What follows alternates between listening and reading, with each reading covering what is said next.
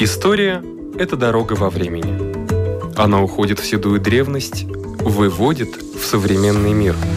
Она показывает, рассказывает, объясняет. И не перестает удивлять. Живая история.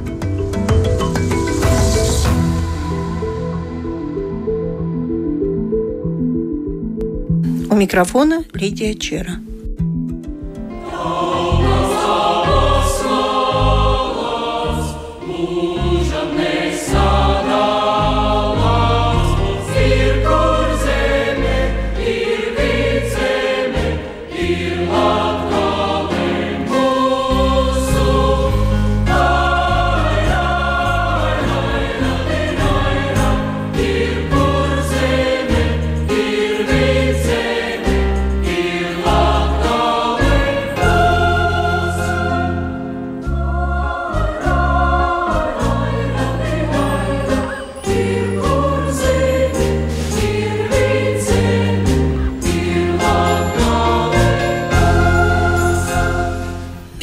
Сентября.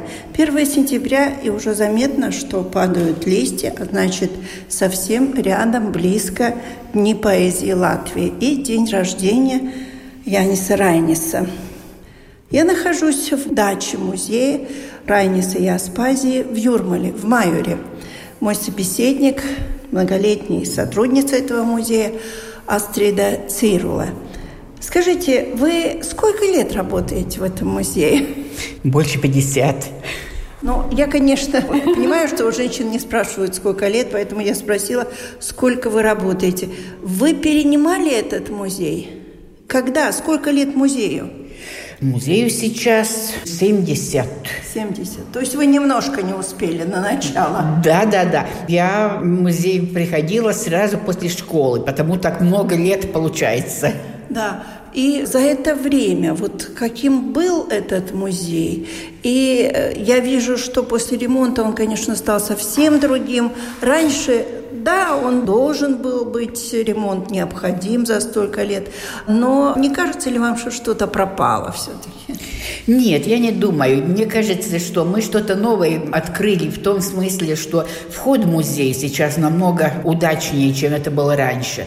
Потому что тогда, когда музею присоединили этот соседний дом, и сейчас он состоит музей всего из трех домиков, тогда вход был в этот соседний дом, где более функциональные помещения. И тогда, когда человек попал в музей, он как-то не мог в этом лабиринте понять, где и как эти домики расположены.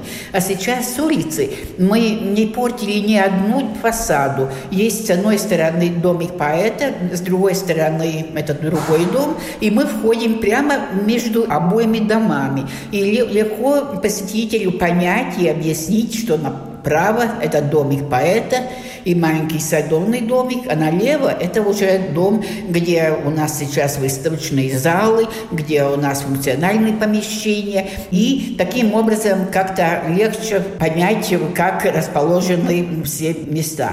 И мы очень тщательно даже старались открыть такие вещи, которые раньше в домике Раниса не были видны, потому что после реставрации одну стену мы старинную там открыли, потому что домик видит старше, чем время, когда поэт жил. Он построен в последние годы XIX века, так что домику уже более чем сто лет. Но он стандартный, какие строились в Юрмале. Там не был какой-то специальный архитектор, нет? Нет, Ранис ведь покупал готовый домик. Он сам здесь ничего не строил, и не было никаких его идей. Он просто искал домик в Юрмале, где приехать летом, потому что ему очень нравилось, конечно, у моря, и несколько лет он гостил у кого-то, но решил, что в конце концов нужно самому свое место найти здесь здесь. И это совпадало с тем, что Ренис в Риге из домика в Ардаугове, где он жил тогда, там был дом вместе с садом, переехал в центр города. И там уже была совсем-совсем маленькая такой просто площадка между домиками. И никакого сада там уже не было. Это центр города. И тогда, конечно, больше еще нуждался здесь в помещении. И это 1926 год, когда Раис ищет летом со Спазией место. И ему предлагают, так же, как сегодня, разные маклеры, одну дачу, другую дачу, и они едет и смотрят, едет и смотрят. И самое первое у них была совсем такая странная, юмористическая, можно сказать, идея. Они захотели покупать домик, где они провели самое счастливое первое лето своей любви. Это малюсенький домик, который мы называем как бы домиком на куриной ножке почти, который, ну, сейчас его продали, он собственный. Будем смотреть, какая судьба ему ожидает, не могу точно Но сказать. тоже в Майоре? Нет, это в Пумпуре. Помпуре. Да, и этот малюсенький домик, где не более двух комнат всего, очень-очень малюсенький. Они как-то придумали, этот дом нужно. Я думаю, что им было не этот дом нужен, а им было нужно то ощущение, те переживания любви в тех лет но домик не продается. И, очевидно, они еще несколько раз это интересовались об этом. В дневнике Раниса есть заметка, и все-таки этот домик не продается. Но тогда они ищут другой. Я думаю, что этот дом их просто соблазнил тем, что отсюда близко море. И Ранису это очень важно. У него была привычка очень рано вставать. Аспазия этого не хотела. Она по вечерам часто дольше работала. Но Ранис вставал так полседьмого уже и побежал к морю. Там, ну да, он признавал здоровый образ жизни уже тогда. Да, и у него, ну, это уже точно такая программа. Он уверен, что для того, чтобы работать, быть в такой форме да. Э, и работать свою литературную работу, нужно соблюдать того, чтобы и его тело было в хорошей форме. И он плавал, занимался физкультурой в море, побегал немножко там на пляже и возвращался домой. И когда дочники здесь только еле-еле просыпалась здесь, Ранис уже возвращался от моря и сказал, о, вода была прелестной. Да, даже сохранился его купальник, я видела такой, с шортами да, до колена да, да. почти. Такие были раньше модно. Начали уже мужчин переходить на такие плавки, но раньше был этот что старомодный костюм. А те люди, которые живут в Помпуле, в этом домике, они знают, что этот домик связан? Нет, они знают. Они то... Юрмальская дума только-только что его продала, так что мы ничего точнее пока об этом не знаем. А какие вещи сохранились с тех времен от э, Читы, Райниса и Аспазии? Но наш музей отличается тем, что у нас в мемориальных комнатах, вообще домик как-то ну, расположен в двух частях. Верхний этаж – это те помещения, где Ранис и Аспазия сами жили. Нижний этаж они летом просто сдавали дочникам. И там на первом этаже у нас сейчас экспозиция про обоих поэтов. Но наверху в этих комнатах мебель этого домика, и также маленькие разные предметы, и текстиль, и еще другие вещи. Они все подлинные. У нас, может быть, нет их столько много, как в некоторых других музеях, где можно собирать все подходящее того времени. Но у нас действительно 99% оригиналы, подлинные вещи поэтов. Так что этим мы и гордимся. Много. О Райнисе очень много сохранилось воспоминаний о том, что он любил герань, например, я знаю. И в любом музее Райниса всегда будет герань. И да, тоже. я даже не знаю, он там любил или не любил. Я думаю, это было в то время очень модно, принято. И всех этих домиков грянь была, и также было здесь. И эта белая мебель, которая здесь, это не купленная Реннисом. Это характерная мебель Юрмала тех лет. В всех этих дачах были белые столики, белые кресла, и такие вещи были очень характерны. И Реннис даже говорил, что ну, он покупает вместе с этой мебелью, которая уже тут стояла. Да, то есть они не были такими людьми, которые гонялись за обстановкой, за одеждой какой-то современной.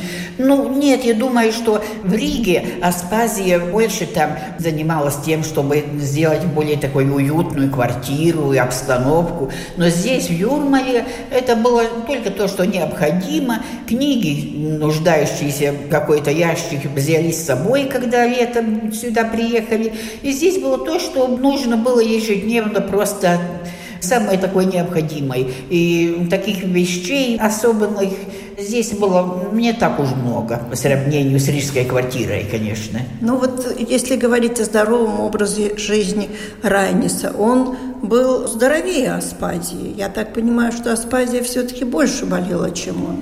Да, у нас Аспазии там были разные болезни в Швейцарии, которыми она мучилась. Легкие, да? Нет, нет, нет. Более что-то с желудком всякий, и с нервами связанный, и бессонницей она очень мучилась. Так что разного такого характера, я думаю. А Ренни здоровый, здоровый, и вот так рано ушел. Да, это... ну что-то с кровососудами, это проблемы были у них обоих. Может, это от рождения уже? Да, возможно, конечно. Но вскрытия не делали после смерти? Думаю, что нет, были только ну, эти документы врачей, и даже тогда уже такая как бы дискуссия была, да. правильно ли его лечили или нет, и даже такую одну конкретную болезнь сказать, что именно это была причиной смерти, мне трудно даже называть. Конечно, там были варианты, что ну, что-то вроде инсульта, что-нибудь такого варианта. Конечно, при сегодняшней медицине, может быть, его могли бы спасти, но, конечно, тогда, когда его врач Липшиц был при нем, ну что с ним? У него были какие-то таблетки, он старался его как-то оживить просто таким образом. Но телефон в домике не работал тогда, и, конечно, через 20 минут ему не удалось больше его спасти. Говорят, таким семейным врачом Читы Райниса Аспази был пьятр Ниманис – да, Ниманес тоже был, но были они как бы оба. Ниманес был родственником Аспазии. Он да. женился на двоюродной сестре Аспазии. И когда они жили там за Двиной, тогда они на одной улице как бы были, он был довольно близко также. Но второй, с которым Рянис познакомился и, и дружил, это был Борис Лившиц. И Лившиц тоже как-то смотрел за ним, и вместе с ними его женой ранее съехал некоторые заграничные поездки, в том смысле и самую последнюю, когда он был в Палестине и в Египете. Тогда он тоже вместе с Лившицем ехал. Время, проведенное на даче здесь, в Майоре, можно считать плодотворным в творческой биографии Райниса? Я думаю, что да, потому что в Риге Райнис был очень-очень занят. И, Но его отрывали. И, и, и, и Сейм, и директор театра, и также время министра просвещения, который тоже совпадает с этими годами. И не говоря даже о самых разных других вещах, школы, разные встречи, разные общества, все, конечно, Райниса хотели видеть, его звали, Валера, если хотел отказать. И очень много разные такие общественные дела, конечно, мешали для творческой работы. И у него было такое интересное выражение. Он сказал, что он эмигрировал на взморье, чтобы поработать. И ему нравилось здесь приехать и такое необычное время. Маленький домик в садике, это был да, такой... В глубине, да? Да. Там была возможность и зимой затопить. Этот дом, который мы сразу больше еще видим, это был только летний домик, и там отопления вообще не было. Но в этом маленьком домике было, и тогда Ранис, например, во время Рождества, у него были выходные дни, там 3-4, он приехал сюда поработать. Ходил один к морю, топил печку и сидел и работал. И, и никто ему не мешал. Никто его не мешал, и он чувствовал себя хорошо у природы и у моря, и это его как-то вдохновило. Так что мне кажется, что за несколько дней дней здесь он иногда сделал больше, чем на более длительном периоде в Риге. В свое время, пока он был жив, он любил отмечать дни рождения свои? Вот 60-летие, например, широко отмечалось? Ну, 60-летие, конечно, отмечалось, но этим больше занимались все, э, все общество, окружающие. Ему организовали там вечер в Национальном театре, там социал-демократы организовали встречу и так. Но вообще так ежедневно Ранис абсолютно не отмечал день рождения. И бедная Аспазия писала, что раньше, когда я жила с мамочкой, мне всегда были день рождения, но сейчас Ранис меня отлучил от этого, и я давно не помню, когда у меня было день рождения. В Швейцарии это, конечно, никаких гостей тут не было, и так что очень мало таких воспоминаний, празднований о день рождениях, о гостях дома. Больше Ранис и Аспазия сами куда-то ходили. Также это, например, и к Новому году. Нет у нас таких воспоминаний, как праздновали, например, там Рождество и Новый год дома, что там елка была. Я думаю, елки не было. Они куда-то ходили, их куда-то пригласили все время. И таким образом это произошло. Но дома Вряд ли они там умели организовать такие вечера. Нам жалко, нам хотелось, что были какие-то традиции, но ничего такого мы не можем найти фактически. Ни в их воспоминаниях, ни в их письмах. Нет. Ну, письма были очень сердечные, они писали друг другу. Конечно. Так ли они относились друг к другу, когда были вблизи? Вот интересно. Ну, Это... я думаю, что они относились именно так, как все нормальные живые люди. Да. Были прекрасные моменты, были трудные моменты, и были моменты, когда они обиделись друг на друга, и потом опять все было хорошо. Но Аспазия сказала прекрасные слова. Это было, когда они возвращались из Швейцарии здесь, в Латвию, что нас венчали весь народ, время и звезды. И никто не может уже этого отнять. От, отнять. What we say,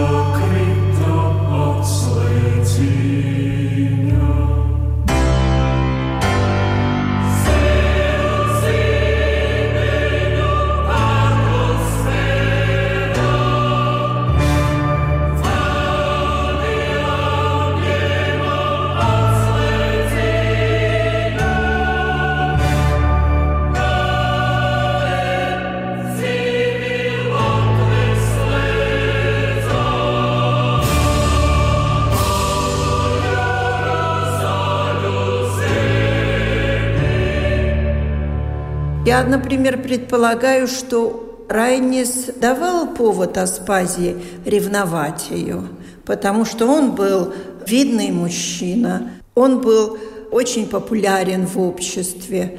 Было ли повод ревновать его? Ну, конечно, был. Естественно. И все-таки его последняя любовь и муза Олга Клигерис, с которой у них были очень тесные отношения. Но это, конечно, для Аспазии было тяжело. И там было много переживаний и всего а этого. кто это Ольга Клигерис? Ну, это была молодая студентка, которая жила в квартире, которую они снимали после Швейцарии. Там они познакомились. Она, конечно, восхищалась пьесой Раиса Иосифа и его братья, и стихами. И мне просто кажется так, что, ну, Аспазия Раниса знала до капельки всю, да. за всю жизнь. И иногда он на других критиков обиделся, но когда Аспазия ему что-то упрекла за произведение, она была первым критиком, она была первым редактором, и если она сказала, тут это не так, что ему не нравилось, но на следующий день он понял, что она, конечно, была права, и взял это, конечно, в голову. И исправлял, И исправлял, и так, и так, и так. Но Конечно, в глазах Ольги он мог бы почувствовать себя как таким айдолом. Она смотрела на него большими глазами молодой девочки. И здесь для Раниса, ну, конечно, было такое вдохновление, такое как бы чувство как бы любви, нового какого-то облика. И это, конечно, возражалось в его стихах. И он написал замечательный сборник, последний сборник любовной лирики «Дочь Луны», который ну, частично создана на базе дневника Ольги, где она отмечала их разговоры, их переживания, и это впечатлялось в сборнике. Но когда вышла эта книга, ну, конечно, Аспазия этого переживала, ей это было нелегко мысль о том, что они могли бы расставаться, но такой все-таки не было. Да. Ну, это что-то напоминает наши современные такие истории с выдающимися людьми. К сожалению, после смерти появляются и внебрачные дети, но у Райниса таких не было до сих Мы пор. Никто не, не говорит. Всем хочется, все да. ищут, развиваются разные там интриги и варианты. Но мы хотели бы какие-то конкретные факты. Так что таких у нас нет, и мы ничего похожего не можем найти, то мы не развиваем эти идеи, хотя есть, конечно, там разные версии. Та же самая Ольга, нет у нее детей? Нет, у нее была дочка, но это было еще до того, как она встретилась с Ранисом. Но больше у нее детей не было. Да, говорят, были такие неприятные ощущение, что Аспазию не хотели хоронить рядом с Райнисом. Было такое. Какая-то история была, не помните? Ну, это я так точно не могу сказать, но вообще это было тяжелое время. Это было время войны, и это была немецкая оккупация те годы.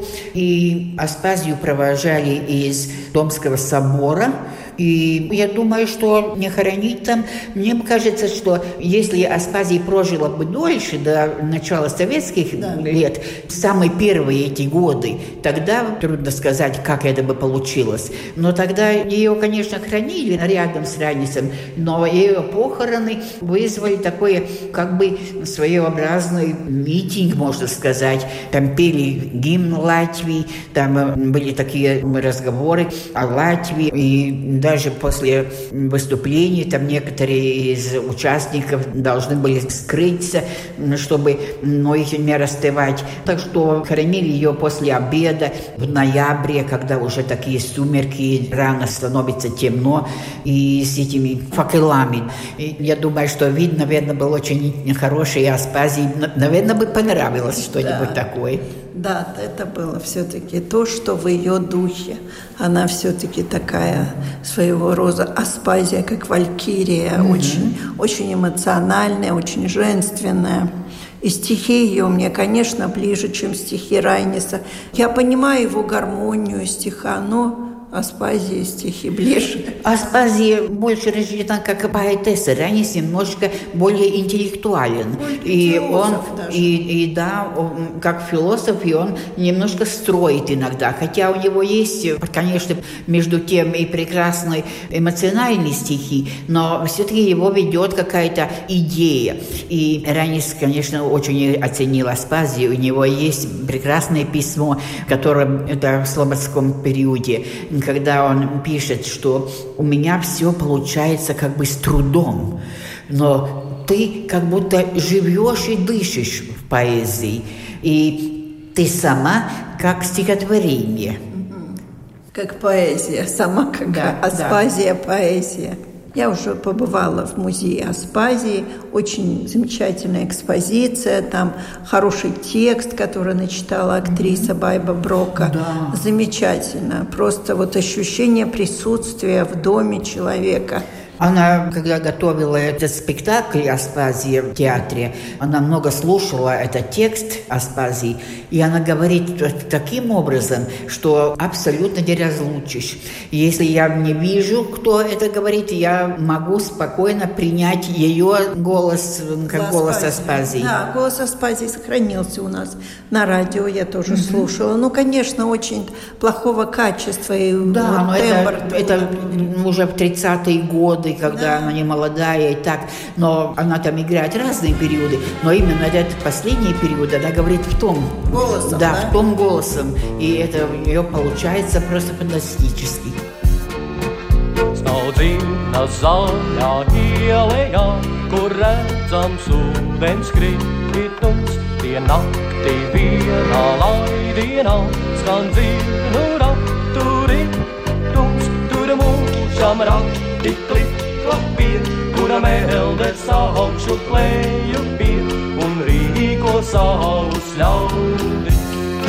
И тоже хорошие. Вообще все мемориальные музеи после такого капитального ремонта выглядят современно и хорошо оборудованы. Есть аудиогиды, Людей маловато только, но сейчас все музеи страдают именно из-за этого. Ну да, ну мы, конечно, рады, что мы вообще открылись. Два месяца были мы, закрыты. мы были закрыты, и тогда тоже в начале уже, ну, все так не могли придумать, можно идти, не можно, но все таки очень всем захотелось что где-то побывать, и летом люди все-таки приходили, но по сравнению с другими, с другими годами нет больших экскурсий. В том дело. Нас посещают семьи с детьми, да. такая маленькая компания. Но школьных экскурсий ведь нет. Вообще больших экскурсий нет. Никто ведь не собирается в автобусе ехать кругом. Ну да есть. А к 11 сентября что-то у вас в музее будет? Или, может быть, раньше или позже? Ну, у нас 11 сентября именно нет, потому что в Риге в тот момент будет специальный такой вечер, связанный с пьесой «Огонь и ночь». Но 11 в Юрмале, как всегда, будут встречи у Слосен Рейниса. В Пумпуре? Да, да. И еще там есть... встречаются поэты? Там поэты, там посетители, и это каждый год 11 сентября днем происходит. Но в этом году, если вы были в домике Аспазии, то вам, наверное, уже рассказали о новом памятнике Аспазии. Это который на улице? Или Нет, где? который будет на, у моря. Там. Нет, не рассказали. Ну, напротив дома, там маленькая, малюсенькая уличка, которая ведет прямо там, где домик Аспазии в Дубулте. Да, да. И там наверху, на дюнах у моря, будет такой памятник Аспазии, где она стоит, такая бронзовая фигура. И там на будет... пляже или прямо Нет, наверху. На, наверху, наверху. Да. И там будет такая как бы дорожка по дюнам, где можно проходить туда-сюда, и там будет возможность присесть и стать ряд, рядом со Аспазией и фотографироваться. Она ну, полный рост. Полный да? рост. Ну, не последние годы, немножко раньше. Красивая, прекрасная Аспазия, бронзовая, в полном росте. И она там стоит, смотрит на море. Мне кажется, что кошка тоже пришла. Кошка в Аспазии просто великолепно всюду видна, где-то откуда-то она просто высовывается. Автор памятника Ольга Шилова. Да. А когда будет тоже 11 открываться? Я думаю, что было рассчитано, что 10 но я не могу точно сказать, это еще надо уточнить время, но да. такая мысль была. Да, да, да. Но его еще не установили, он еще не закрыт, его только... Нет, нет, нет. То есть сейчас нечего бежать и смотреть рановато. Я 10 не, думаю, что нет. Нужно тогда интересоваться в домике Аспазии, он не будет вам сказать так точно. А у вас здесь выставка фотографий, да? Выставка фотографий уже сняты. У нас сейчас две новые выставки. Одна в этом многофункциональном зале. Это выставка Ева музыканта, художница. И называется выставка «Латвия. Времена года». Я думаю, что это будут пейзажи. Угу. Оказывается, что это большого формата портреты людей. И где же пейзажи? Надо вглядываться. У всех этих людей есть очки. И в этих очках отражаются пейзажи. Времена года. Времена года. Начиная с малышами до старинных лет. Есть и известные персонажи, там, например, Лита Бейрис есть. И мы открыли совсем новый портрет, который впервые выставлен здесь у нас. Это Рихард Дубра, который композитор, который живет в Юрмале также. А вторая выставка, ну это как бы посещение, дар всем поэтам Дни поэзии. Это две юрмалские художника, Майра Вейсбарде своими картинами и Андрис Берзинч. У него медали, скульптуры, рисунки. И в этих медалях есть очень много посвященных и Аспазии, но не только. Там есть и тема Италии, там есть Данте, и Венецианский карнавал, так что много такого интересного. И портреты, рисунки, портрет Аспазии, портрет Раниса. А Майра, в свою очередь, плела венки из дубовых листьев, посвященный Ранису, и из красных роз Аспазии. Это надо видеть. Спасибо. Прощаюсь с дачей Райниса и Аспазии и с сотрудницей этого музея Астридой Цируле. Всего вам доброго!